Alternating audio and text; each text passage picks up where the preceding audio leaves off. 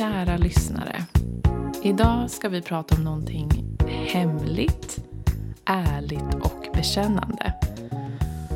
Och fylld av känslor men också uttråkad vardag så är ju dagboken någonting som ligger många av oss väldigt nära.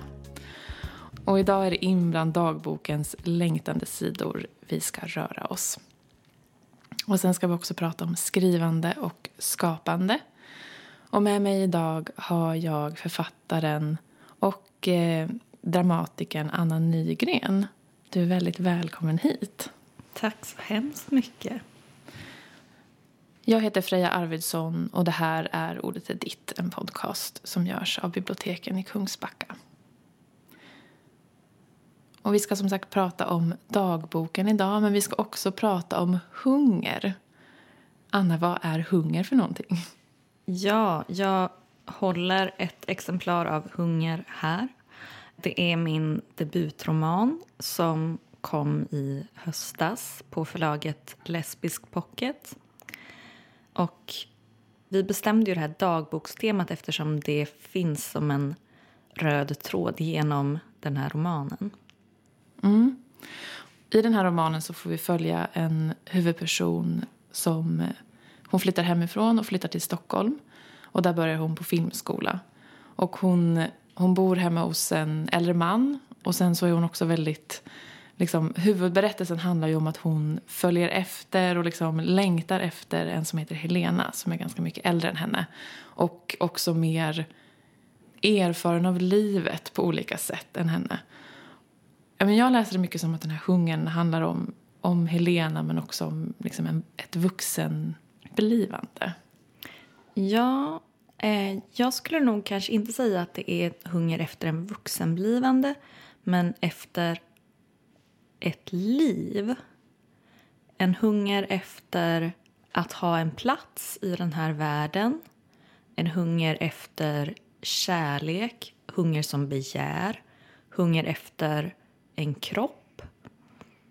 Och eh, jag hunger efter Helena. Mm. Då, då jag tänker att Helena får för den här namnlösa jag-personen symbolisera allt som är liksom livet och livserfarenheten och världen. Det som är spännande i världen, det som är viktigt i världen jaget upplever nog sig själv som precis i början av någonting och det, ja, det kanske är lite av ett vuxenblivande även om jag inte har tänkt på det som just så.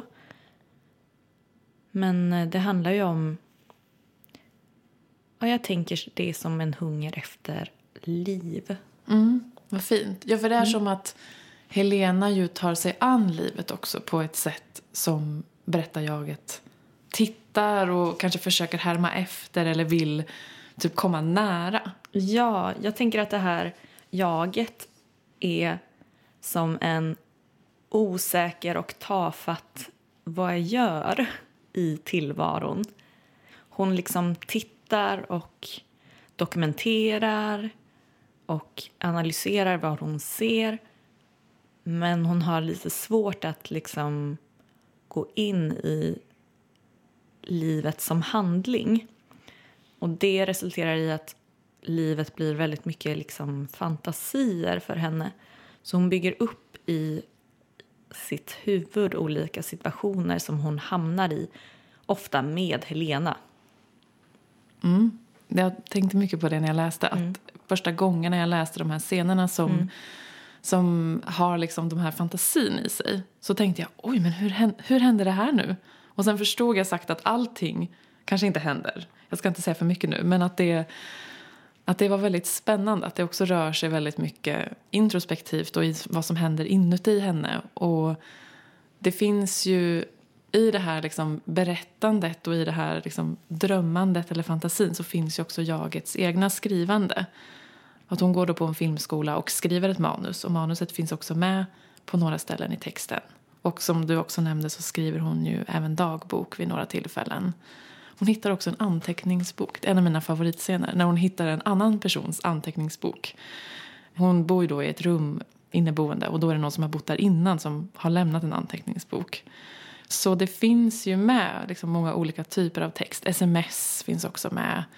Ja, men jag blir väldigt nyfiken på liksom, dagbokens betydelse för ditt berättar-jag. Alltså för din huvudperson i, i boken. Ja. Jag, jag tänkte bara säga först att så här, det som jag är li, lite grann har varit ute efter är också att luckra upp gränsen mellan så här, fantasi och verklighet. För jaget upplever ju ibland sina fantasier som verkligare än verkligheten. Så att eh, jag är liksom ute efter en lite surrealistisk eller hyperrealistisk ton. Både i liksom själva bokens stil och i det som händer. Och där tänker jag att dagboken också kommer in väldigt mycket. För dagboken är ju en vardagsskildring. Den kan vara liksom väldigt banal. Typ. Man kan skriva vad man åt till frukost. Men man kan också gå in i väldigt liksom komplexa frågor. Och jag tänker att för mig så har det också varit som att det finns väldigt mycket... Ja, men som du säger, det finns väldigt mycket olika texter i den här i, i min roman. Och världen byggs liksom upp av texter här. Det är filmmanus, det är Wikipedia-artiklar, det är hittade dagböcker och skrivna dagböcker. Och jag har nog upplevt ofta att när jag själv skriver dagbok så är det som att jag skriver om verkligheten men jag blir också fiktion genom att jag skriver om mig. Och jag älskar att läsa andras dagböcker för att det också ja, men det känns att det är så extremt mycket på riktigt att det liksom nästan har lämnat verkligheten och hamnat i någon sorts högre verklighet nästan. Gud vad mm. spännande. Mm. Känner du också när du har skrivit den här boken, har mm. dagboken varit en hjälp då? Ja, jag har jobbat med den här boken. Eh, jag började skriva den för ja, drygt tio år sedan. Och mycket är liksom hämtat ur mitt eget liv. Så då kunde mitt skrivande börja i ett dagboksskrivande som sen skruvades till och blev till en fiktion. Så det mesta som liksom händer i romanen har inte hänt. Men många liksom platser och detaljer är sånt som jag själv har iakttagit. Och så har jag liksom försökt skruva till det och i en tanke om att vad skulle hända om det var så här? Mm, spännande. Ja, för dagboksskrivandet blir ju också ett sätt som skrivande person att spara intryck och att spara kanske personer man, man träffar på eller känslor mm. man upplever eller perioder i ens liv. Eh, att det är ju det är ju någonting annat också att, att minnas en period och sen att faktiskt gå tillbaka och typ läsa om den perioden i sin dagbok. Verkligen. Men som du säger också, att när, när man sitter och skriver dagbok, det blir ju också, då blir det också en, en på något sätt förskjutning. Man tänker ju att dagbok alltid är sant. Det är där man skriver det mm. som är hemligt och eh, det är bara där man kanske kan avslöja sig själv. Men det blir verkligen också ett urval när man skriver dagbok och det som skrivs där blir ju också en berättelse och ibland nästan en saga. Och ibland ljuger man ju i sin dagbok, även om man inte vill själv. Eller så gör man det för att man vill. ja, eh, jag tänker också att så här, ibland kan jag uppleva att det som faktiskt händer är kanske inte så relevant egentligen. Ibland kan jag uppleva att så här, ja, men det som jag har skrivit som en typ av fiktion kan jag känna som mer sant än det som faktiskt händer. Mm, verkligen. Ja. Ja, för om jag har skrivit dagbok mm. större delen av mitt liv. Sen jag, jag har ändå skrivit dagbok sen jag var 11. Ja. Typ. Och jag märker ju själv att när jag har skrivit väldigt så typiskt dagboks skriv. Kära dagboken, idag har jag gjort det här, sen träffade jag den, sen åkte jag dit. Om jag läser det, då minns jag inte alls. Vad, vad var det här för dag? Men om jag har skrivit, alltså kanske skrivit en dikt eller skrivit återgett någonting kanske genom en scen eller typ ritat någonting. Då kommer jag mycket mer ihåg hur det kändes. Och då kommer jag också automatiskt ihåg vad som hände. Ja, jag tänker att jag har också skrivit dagbok jättelänge. Sen förra millenniet.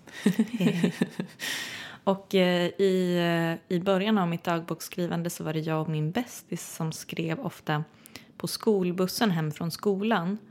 Och då bestod dagboksanteckningarna oftast av så här väldigt skakigt på grund av att vi satt i bussen.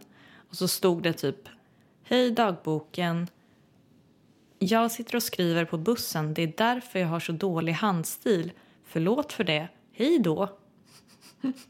Och så var det liksom dag efter dag efter dag. Och på ett sätt så är ju det en väldigt simpel dagboksanteckning. Den säger inte så värst mycket. Men det är ju samtidigt så att det är en scen som skapas just där. Jag minns ju precis hur jag och min bästis sitter i bussen och skriver. Och det var ändå väldigt liksom intima ögonblick. Även om det resulterade i en ganska opersonlig text så minns jag de här bussturerna. Ja, precis. För en själv betyder det någonting. Men sen om man skulle låta Ja. någon annan läsa det så kanske det inte skulle betyda Nej. liksom jättemycket. Men det är också det som är så häftigt med dagboken. Att den är så nära en själv och liksom knuten till en själv. Ja. Jag har också tänkt mycket på ditt skapande i allmänhet. Du är ju inte bara, varför det nu skulle vara bara att vara författare och eh, dramatiker, utan du är ju också konstnär. Och du jobbar som skribent och med text på olika sätt. Och när, jag tror det är ungefär samtidigt som Hunger kom ut, så kom ju också en diktbok. Kan jag säga diktbok? Ja. En dikt, ja, men en liksom poesibok utav dig på Pralin magasin. Var det samtidigt ungefär? Ja. ja. Jag hade till och med gemensam releasefest för de Ah, här. ja, ja. Mm. Eh, som heter Pistage. Och du, du skapar på väldigt många olika sätt. Och Med inom konst är det ju både att du målar och jobbar textilt och även på andra sätt. Finns det någon koppling till dagbok i ditt övriga skapande också? Ja, verkligen. Alltså, jag tänker bara på när jag målar och eh, broderar så har jag till exempel gjort extremt många självporträtt. Och det, de har ofta blivit som så här selfie of the day. Och så har jag gjort ett korsstygnsbroderi av mig själv. Och jag, jag kan ju inte säga vad eh, en eh, helt objektiv, om det nu finns någon objektiv betraktare ser i de här självporträtten. Men för mig så blir de väldigt mycket liksom en bild av mig just nu. Och det tänker jag också ligger i närheten av dagboken. För dagbokens anteckningar är ju också en bild av mig just nu. Det finns någon liksom akut grej i den här tidsangivelsen i dagboken. Att det är liksom... Man skriver om just det som är nu. Sen kan man ju såklart skriva om saker som har hänt eller saker som man hoppas ska hända. Men då är man kanske lite mer inne i någon sorts självbiografi när man skriver om saker som har hänt. Och jag, det jag gillar med dagboken är att den är liksom så knuten till nuet. Mm, verkligen. Ja, bara på namnet dagboken. Man Exakt. beskriver en dag, man beskriver inte sin vecka. Det är klart man kan göra. Men, Ja. men den, är ju, den utgår ju ändå från, den klassiska dagboken är ju ändå datum och, eh, liksom, och att man skriver varje dag och så berättar Mm. man vad man har gjort idag. Eller kanske vilket väder det har varit idag. Ja. Det finns ju den typen av dagbok också. Ja, den har Eh, min mormor. ja. Hon har liksom... Hon kan... Ibland så när jag eh, pratar med min mormor så är det som att hon kan säga Ja, idag fick vi exakt lika mycket regn som vi fick den här dagen för 15 år sedan.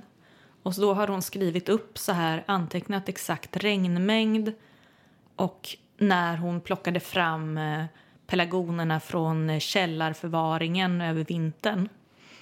Och eh, det är ju en typ av dagbok som har en väldigt strikt form. Den skriver om vädret, den skriver om blommorna. Att väldigt strikt liksom dokumentera de här fysiska händelserna i världen. Ja, verkligen. Och också sånt som kommer varje år. Ja. Att årstiderna kommer tillbaka och pelargonerna ska ställas fram även denna vår. Precis. Och att, att då kunna blicka tillbaka. Det blir ju ett sätt att också hantera tid. Och, ja. det är jättefint. Ja. Det, också, det finns ju verkligen också en rutin i det, tänker jag. Ja. Som ju också dagboken kan, kan innehålla. När jag, Mm. jag bestämde mig... Det här säger ju något om mig och vem jag var när jag var liten. Men när jag var 11 då så bestämde jag mig för att jag skulle börja skriva dagbok. Mm. Jag hade liksom skrivit dagbok lite grann när jag var sådär, alltså jätteliten, typ 6-7 Mm. år. Eh, och sen hade jag inte gjort det. Men så hade jag en väldigt romantisk bild av, Mm. av, att, vara, av att vara någon som bevarar sitt liv och skriver ner sitt liv. Och, Ja. och så, där. så då bestämde jag mig för att jag skulle skriva dagbok. Och då bestämde jag mig för att jag skulle skriva en kvart varje dag. Och så tänkte jag, när på dygnet är bra? Jo, men den här tiden precis innan middag, eller när det nu var, alltså eh, kvällsmatsmiddagen. Så då satte jag mig klockan fem eller något sånt och liksom vid mitt skrivbord och skrev varje dag. Och sen hade jag jättemycket regler. Jag liksom köpte en, en fin skrivbok som jag, som jag så verkligen designade själv. Klistrade på en massa saker och, och sen så gjorde jag en massa regler. Att varje dag ska jag måla en färg som symboliserar typ hur jag mår och så ska jag skriva det här och jag får aldrig ljuga och jag får aldrig visa det här för någon. Och det var jätte, jag hade, första sidan var liksom en massa regler. Sen några år senare så tyckte jag tillbaka på mig själv och tyckte jag hade varit så löjlig som hade liksom gjort alla de här reglerna. Eh, men nu tycker jag att det är ganska roligt och det är också så man typ för att få en rutin på någonting så måste man ju ha vissa regler. Sen kanske det var lite, lite för mycket regler men det var också det fanns någonting där att bygga en rutin och att liksom att så kategorisera på något vis typ mitt liv, en 11-årings liv. Det var, ja. Det är jätteintressant att höra om för då tänker jag alltså, då tänker jag igen på skrivprocessen när det gäller den här romanen Hunger.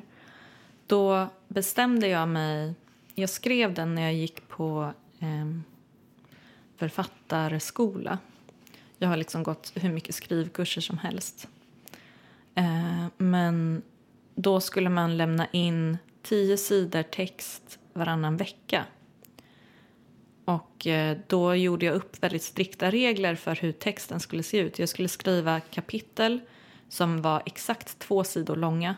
Och så skulle jag skriva, skulle jag skriva fem sådana kapitel till varje inlämning. Och så hade jag också kategorier. Att jag skulle ha eh, listor. Jag skulle ha eh, typ vanlig text.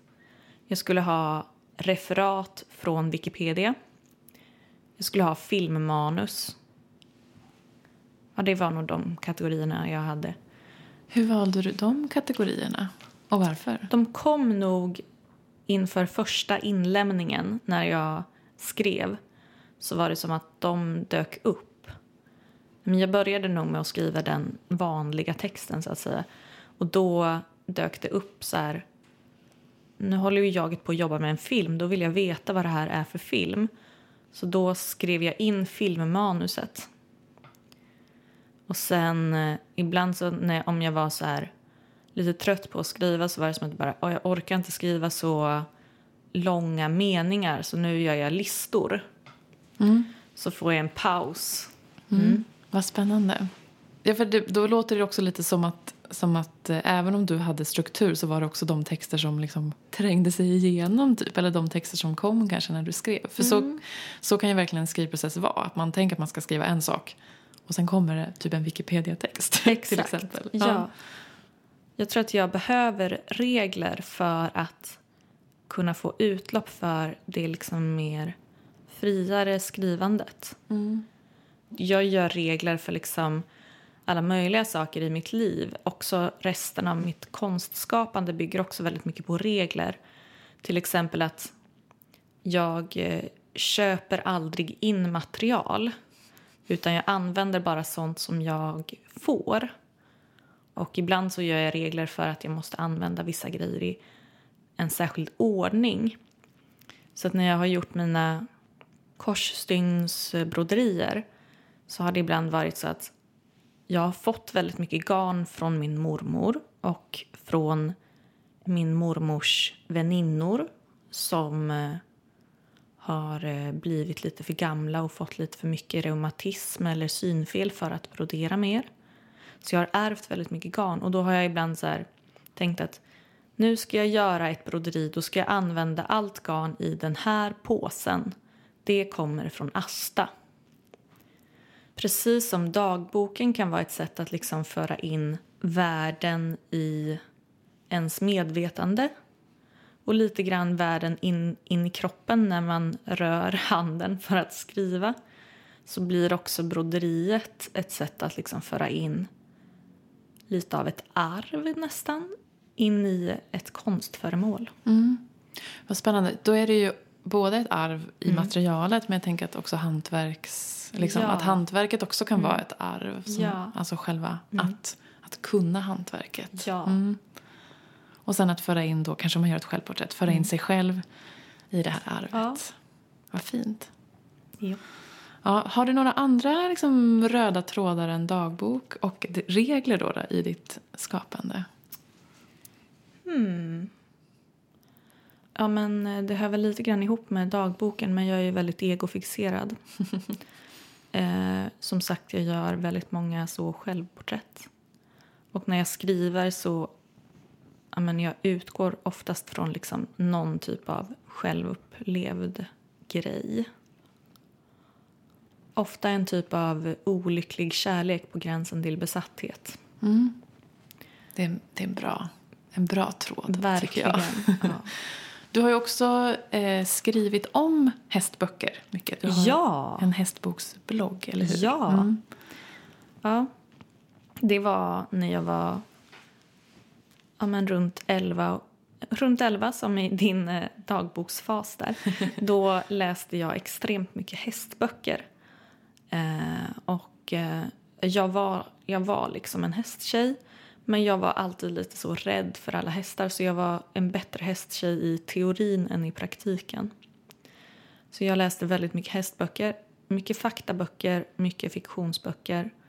Jag kunde extremt mycket eh, jag hade extremt mycket liksom, teoretisk kunskap om hästar och hästhantering. Sen kunde jag inte riktigt eh, överföra det till de fysiska hästarna. Men eh, då när jag var kring 11 så läste jag också kanske en till två böcker om dagen. Så det blev nästan som en så här dagens hästbok.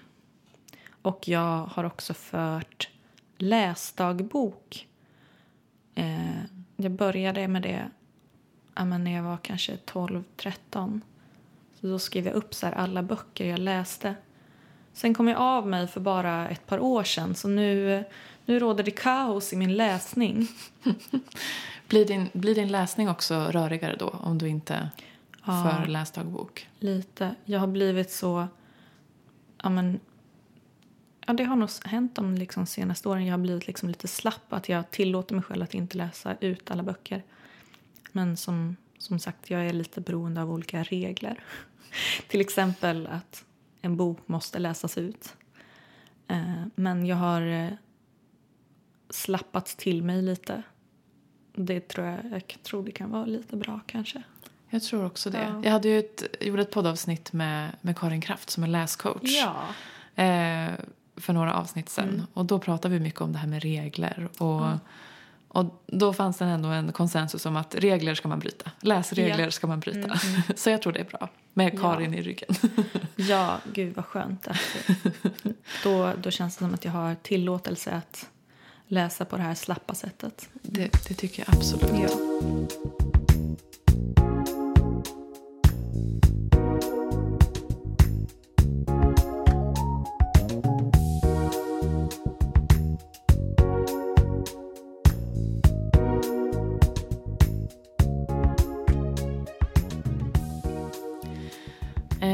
Jag funderar lite över det här med, med dagbok. För det finns ju någonting kopplat till dagbok som har med, med barndom att göra, mm. kanske. Men också, jag tänker, i ditt skrivande finns det ju mycket flick, flickskap och flickighet. Ja. Jag tänkte um. precis säga det, att det är ju också en sån röd tråd. Mm. Att det skriver om flickor. Mm. Mm. Och även i Pistage, där är ju, eh, där är ju karaktärerna lite yngre, eller hur? Mm. För karaktärerna är liksom... Ja, eh, ja precis. Och eh, det finns liksom det här, vad heter det? Det här grotesk... Eh, Menar du gurlesk? Gurlesk. Ja. Det finns ju lite med i, precis. i Pistage. Ja. Um, jag vet inte om det här blev en fråga, men jag bara funderar över det här med liksom flickor och kanske flickrummet och dagboken. Tycker du ja. att det finns en koppling? Eller så här, hur tänker du kring ja, den kopplingen? Ja. Verkligen. Alltså jag, jag älskade att läsa såna dagboksböcker. Känner du till Ann på Grönkulla? Mm. Ja. Faktiskt det, inte läst, men nej. jag har sett lite av, av serien. Ja. Det finns en, samma författare har skrivit en inte riktigt lika känd eh, serie om en tjej som heter Emily. Och eh, det tog jag liksom verkligen till mig, den läsningen av, hen, av eh, de böckerna om henne. Nu minns jag faktiskt inte om de är skrivna i dagboksform eller om de bara handlar om att hon skriver dagbok. Men hon skriver väldigt mycket. Och för henne är skrivandet väldigt viktigt. Och eh, Ann skriver ju också. Det som jag liksom fastnade för i de här böckerna är hur livsnödvändigt skrivandet är för de här flickorna. Att det är, det är liksom på största allvar. Och de skriver både dagbok och också berättelser. Och ett så starkt minne det är när den här Emily hon har liksom skrivit någon berättelse så har så har, är det liksom en press som har fått läsa den här berättelsen och säger att hon kommer skriva mycket bättre om hon förbjuder sig själv från att skriva i ett halvår. För han menar att det är liksom någonting i hennes eh, konstanta produktion som försämrar kvaliteten, typ. Och då, där kände jag mig väldigt träffad redan som barn och fortfarande. Mm. För jag är ju, jag skulle säga att jag är en extremt så effektiv och produktiv person. Skriver väldigt, väldigt mycket. Eh, gör väldigt, väldigt mycket grejer. Och då kände jag så här, åh oh nej, måste jag sluta skriva? Och det är jättejobbigt för Emelie att inte få skriva. Sen har jag en annan ur Ann, Ann på Grönkulla. Hon skriver en gång en novell och så skickar hennes bästis Diana in den här novellen till en tävling där man ska göra reklam för bakpulver. Så hon har lagt in några meningar om bakpulver i Anns novell och Ann blir liksom helt förkrossad över detta. För hon, jag, tror, jag har för mig att hon vinner också mm, mm. Eh, med den här novellen och hon blir liksom helt tillintetgjord för att novellen har ändrats om för att det är skrivandet är så himla viktigt för henne. Mm. Och så kände jag också när jag var liten. Och så känner jag fortfarande att det är så, här, det är så himla viktigt. Uh, och jag tänker på men jag tänker på att den här prästen som sa det här om att du måste sluta skriva det är då en äldre man som säger detta till en ung flicka. Och jag tänker att det finns någonting i det som också kanske handlar om att ja, men det här visdomspatriarkatet som eh, prästen liksom står för hyser någon sorts rädsla inför det här översvallande flickskapet som finns hos Emily. Ja, och att skriva är ju inte bara att det ska bli en bra text. Det är ju också ett sätt att tänka och ett ja. sätt att utveckla sitt skrivande utveckla mm, sitt tänkande men också ett sätt att Ja, men som du sa också innan, att så när man skriver någonting så... Alltså när man typ skriver dagbok så hamnar man själv också i en fiktion eller... Mm. Eh, men det gör ju också att man, man skapar ju någonting som, som blir ett faktiskt material som man Ja. kan göra någonting med och som Mm. därför kan också ge en makt. Så jag tänker Ja. verkligen att det, att det kan vara Ja, obehagligt ja, för och en jag, sån präst. ja, och jag kan känna så här kring mitt eget skrivande både då och nu att jag kan känna så här å ena sidan så här, det är någonting ostoppbart. Jag måste skriva, jag måste skriva och det ger mig så himla mycket att få skriva. Det är liksom mitt sätt att leva. Men jag kan också känna en rädsla för skrivandet. Den här rädslan att göra för mycket. Eh, rädslan att inte kontrollera skrivandet. Jag kan ibland bli rädd att jag skriver för personliga saker när jag skriver och att jag är rädd att liksom såra andra i det. Och jag kan vara rädd för ah, men det här okontrollerbara som jag tänker också hör samman med det här som du nämner med gurlesken. Som jag tolkar gurlesken så är det som att det är ett typ av okontrollerbart flickskap. Det handlar om, om jag skulle säga det, om så här typ monsterflickor och någonting liksom överväldigande och någonting som blir för mycket och eh, en femininitet som är liksom översvallande och uppslukande och förtrollande och förhäxande. Och jag tänker att jag kan bli rädd för det och samtidigt är det så härligt. Och jag blir rädd för det just för att det är så härligt. Att det blir, ja, men det blir farligt och revolutionärt på samma gång. Mm. Och så tror jag att jag vill skriva och samtidigt är jag rädd för det. Mm. Och samtidigt blir man ju sån när man skriver. Ja. I alla fall när man verkligen skriver något som, som berör en själv och som är akut och som Verkligen. är viktigt. Ja. Mm, vad fint. Mm. Skriver du dagbok idag? Ja, det gör jag. Det går, har gått lite i perioder. Nu brukar jag skriva dagbok på min dator.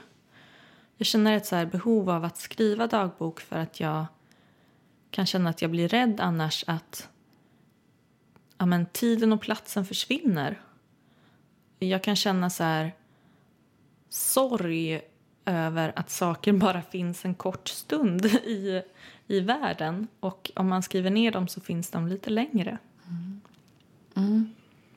Verkligen, det är ju ett sätt att spara på något vis. Ja. Mm. Hur har din, har din dagbok ändrats liksom, från när du var barn till nu när du är vuxen? Hur, vad- hur ser den... Ja, Hur har nu den ändrats? skriver jag inte på skolbussen. Nej. Eh, och jag skriver inte den typ av offentlig dagbok som det var då eftersom jag och min bästis skrev samtidigt. Mm, just det, att själva skrivandet också hade en... Ja. Mm. Jag brukar i och för sig ibland så här publicera mina dagboksanteckningar på olika sociala medier. Och där tänker jag att också dagboksformen lever ett nytt liv idag. Instagram tänker jag är en typ av dagbok. Eh, Facebook och Twitter och alla möjliga såna bloggar och grejer. Det kan vara, li- det kan vara lite grann som dagböcker också. Men eh, jag tror att min dagbok nu är liksom på ett sätt kanske lite mer reflekterande. Att jag skriver ner mera tankar. Mm, jag var, när, jag, när jag skrev när jag gick i högstadiet kanske, då var jag väldigt så där plikttrogen att återge allting.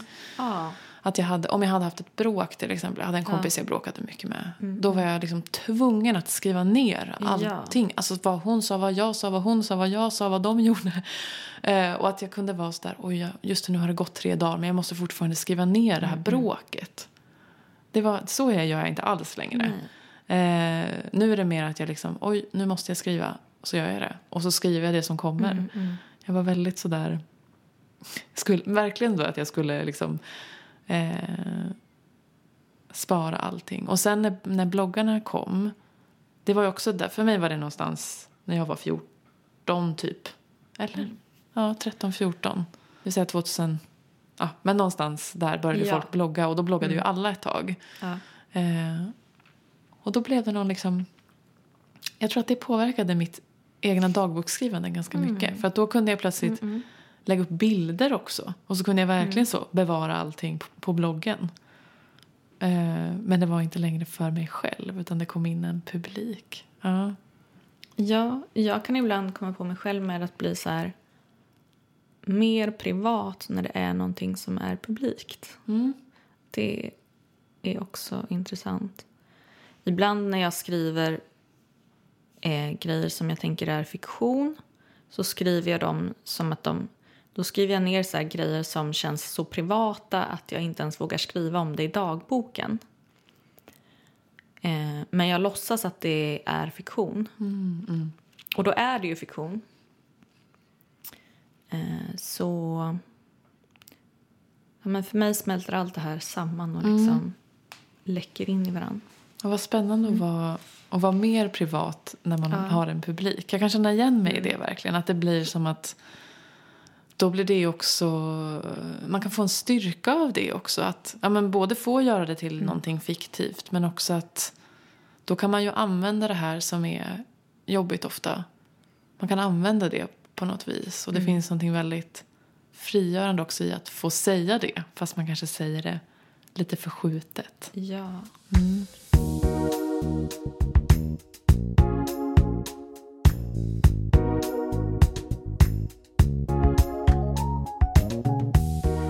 Vi har ju inför det här samtalet tittat lite på Sylvia Plaths dagböcker. Det här, jag vet inte om ni lyssnare har läst dem kanske. Det är en otroligt tjock och tung bok. Den är 800 sidor drygt. Nu håller jag den här framför mig. Den är en stor tung kloss verkligen. Jag kommer ihåg första gången jag eh, jag tror att jag liksom beställde den på biblioteket och tänkte ja, men den kan jag ju läsa över helgen. Och så gick jag hem till den och bara men hjälp! Allt det här är dagböcker. Eh, och det är en fin bild på omslaget. Det är liksom ett svart omslag och sen är det en bild i blå, blåa toner på Sylvia Plath då, där hon ser väldigt glad ut. Så tittar hon lite drömskt mm. uppåt. Och eh, det här är ju väl, alltså, det är så häftigt för att här är ju liksom dagböcker som har blivit bok. Det finns ju många olika mm. exempel på det. Men de är så otroligt liksom, de här är ju verkligen skrivna för att vara hemliga tänker jag. Och sen är de så otroligt ändå inbjudande när man läser dem. Vad tänker du när du, när du läser hennes dagböcker? Jag tänker att jag blir liksom helt uppslukad av de här dagböckerna. Jag tänker att det är som att bjudas in till någonting extremt hemligt. Och jag, jag tänker mycket på hur hon skriver om skrivprocessen om sina egna tvivel på sig själv. Hon skriver också... Ja, men, jag tänker att så här, mitt liv består väldigt mycket av skrivande. Och det blir så tydligt att det gör också Sylvia Plaths liv. Det består av jättemycket skrivande och en vilja att också nå ut med sitt skrivande.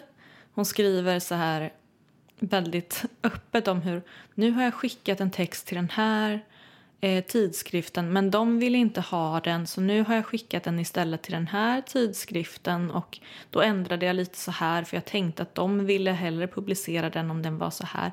Så hon skriver liksom väldigt naket om de här försöken att eh, bli publicerad och liksom bli en författare som jag kan känna igen mig väldigt mycket i. Och det blandas ju då med olika liksom, relationsdramer. Så det finns liksom ett helt liv i den här texten. Mm, verkligen. Sen är det också någonting som är så tillfredsställande med när det är dag, att läsa dagbok för att inte man, blir liksom in, man får inga förklaringar på vem någon Nej. är. Och det kan ju vara frustrerande för att man inte förstår. Men jag tycker att det är väldigt det är så otroligt härligt. Det är så liksom direkt, det är som bara ett utsnitt ur, liksom, ur den här stunden när hon har suttit och skrivit. Och man kommer ju också henne väldigt nära. Eh, och man kommer också hennes känslor väldigt nära. Det är, mycket, det är ju en del som är verkligen så skrivna liksom, i, i affekt eller vad man ska säga. Att det är mycket utrop och så, liksom utropstecken och, Ja. och eh, ja, det är jättefint att läsa. Och även när det liksom är ja, men verkligen så relationer och liksom kärlek. Att det, mm. Det är väldigt, eh, väldigt fint. Ja. Det är också någonting med att det är, de täcker ju så stor del av hennes liv också. ja, man får Eh. liksom följa henne från tonåren och ända fram till slutet. Typ. Mm, precis, också när det är en författare som... Jag tänker att alla författare som man har läst känns ju på något sätt också fiktiva. F- För mig i alla fall, för att man har rört sig liksom i deras fiktion. Eh, men också, ja, men också Sylvia Plath som ju är känd också för att skriva så, alltså på ett sätt nära sig själv. Jag tänker på Glaskupan och liksom nära sin depression och sådär. Så blir det ju också väldigt Alltså det känns väldigt, väldigt eh, lyxigt och alltså, jag vet inte. Det känns liksom att få komma så nära och att få bjudas in i hennes dagboksskrivande. Ja. Det känns ju verkligen hemligt på något Ja. vis. Ja. Och att det finns också dikter med bland ja. Mm. inläggen. Mm. Ja, jag läste den för kanske fem år sedan och då så läste jag den till frukosten. Eh, vid den tiden så bodde jag på Styrsö så jag eh, brukade läsa den när jag åt, åt frukost innan jag gick iväg till färjan och tittade på havet. Så det var en väldigt fin morgonrutin att äta frukost, läsa några sidor, dagbok och sen gå till havet. Mm. Då blir det också som det där med att man själv skriver dagbok och så minns man vad man gjorde. För när man Mm. läser den så blir det också som att läsa någon annans dagbok. Nästan som en egen Exakt. dagboksrutin. Den Mm. väver sig in i, i det egna livet. Mm. Har du några andra liksom, favoritdagböcker? Eh, jag gillar ju Virginia Woolfs dagböcker. Eh, Susan Sontag har också skrivit dagbok. Mm. Jag har en av mina favoriter här på bordet. Det är Mm. Roland Barths sorgedagbok. Ah, Som han skrev efter att hans mamma hade gått bort. Ja. Och så är det otroligt korta, väldigt, Ja. liksom, väldigt smärtsamma små liksom, anteckningar. mm. Och han tilltalar hela tiden sin mamma med Mm. M. Förkortning M. Väldigt, eh, den är verkligen otroligt sorglig och som en enda lång sorgeprocess. Mm. Jag tänker att vi eh, kanske kan få avsluta med lite lyssning av din text. Vill du läsa Ja. lite ur Hunger för oss? Ja, det vill jag. Nu har jag inte valt ut någonting särskilt så jag... Ja, jag, jag tänker om Sylvia Plaths dagböcker att de är så här, man kan slå upp dem var som helst och bara läsa något genialt. Så nu låtsas jag att min roman är, funkar på samma sätt. Jag bara slår upp här.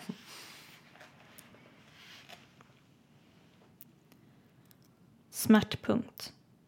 Det är en morgon i skolan. Det är kallt och konstigt väder.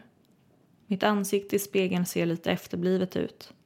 Eller som ett lik som blivit nerfryst i isen och sen upptinat. Emily sitter i soffan och gråter. När jag kramar henne blir min kropp inte böjd i samma vinkel som när jag kramar mamma. Det känns mer som om jag försöker vara en katt. Jag fantiserar om att Emily fött mig. Emily har en frisyr som ser ut så här. Hår i en tofs mitt på huvudet. Stramt uppsatt som en ballettknut. Fast istället för knut så är det en fläta. Närmast hårbotten är håret mörkt. Sen är det rött. Sen är topparna blonda. Emily brukar ha turkosglittersmink på ögonen. Jag har inte glitter. Hon har inte det idag. Emily hulkar. Emily snörvlar. Emily hickar. Emily hostar. Emily är en frusen matlåda i plast som tinar långsamt när den står nära elementet. Emelie är en blöt pöl. Emelie är en fläck på tröjan. Emelie är som ett litet barn. Jag kramar Emelie. Hennes kropp är ett blötdjur mellan mina underarmar fast samtidigt hårt knuten i en klump. Soffan är beige. Stolarna har snören som är vävda eller flätade till en sits.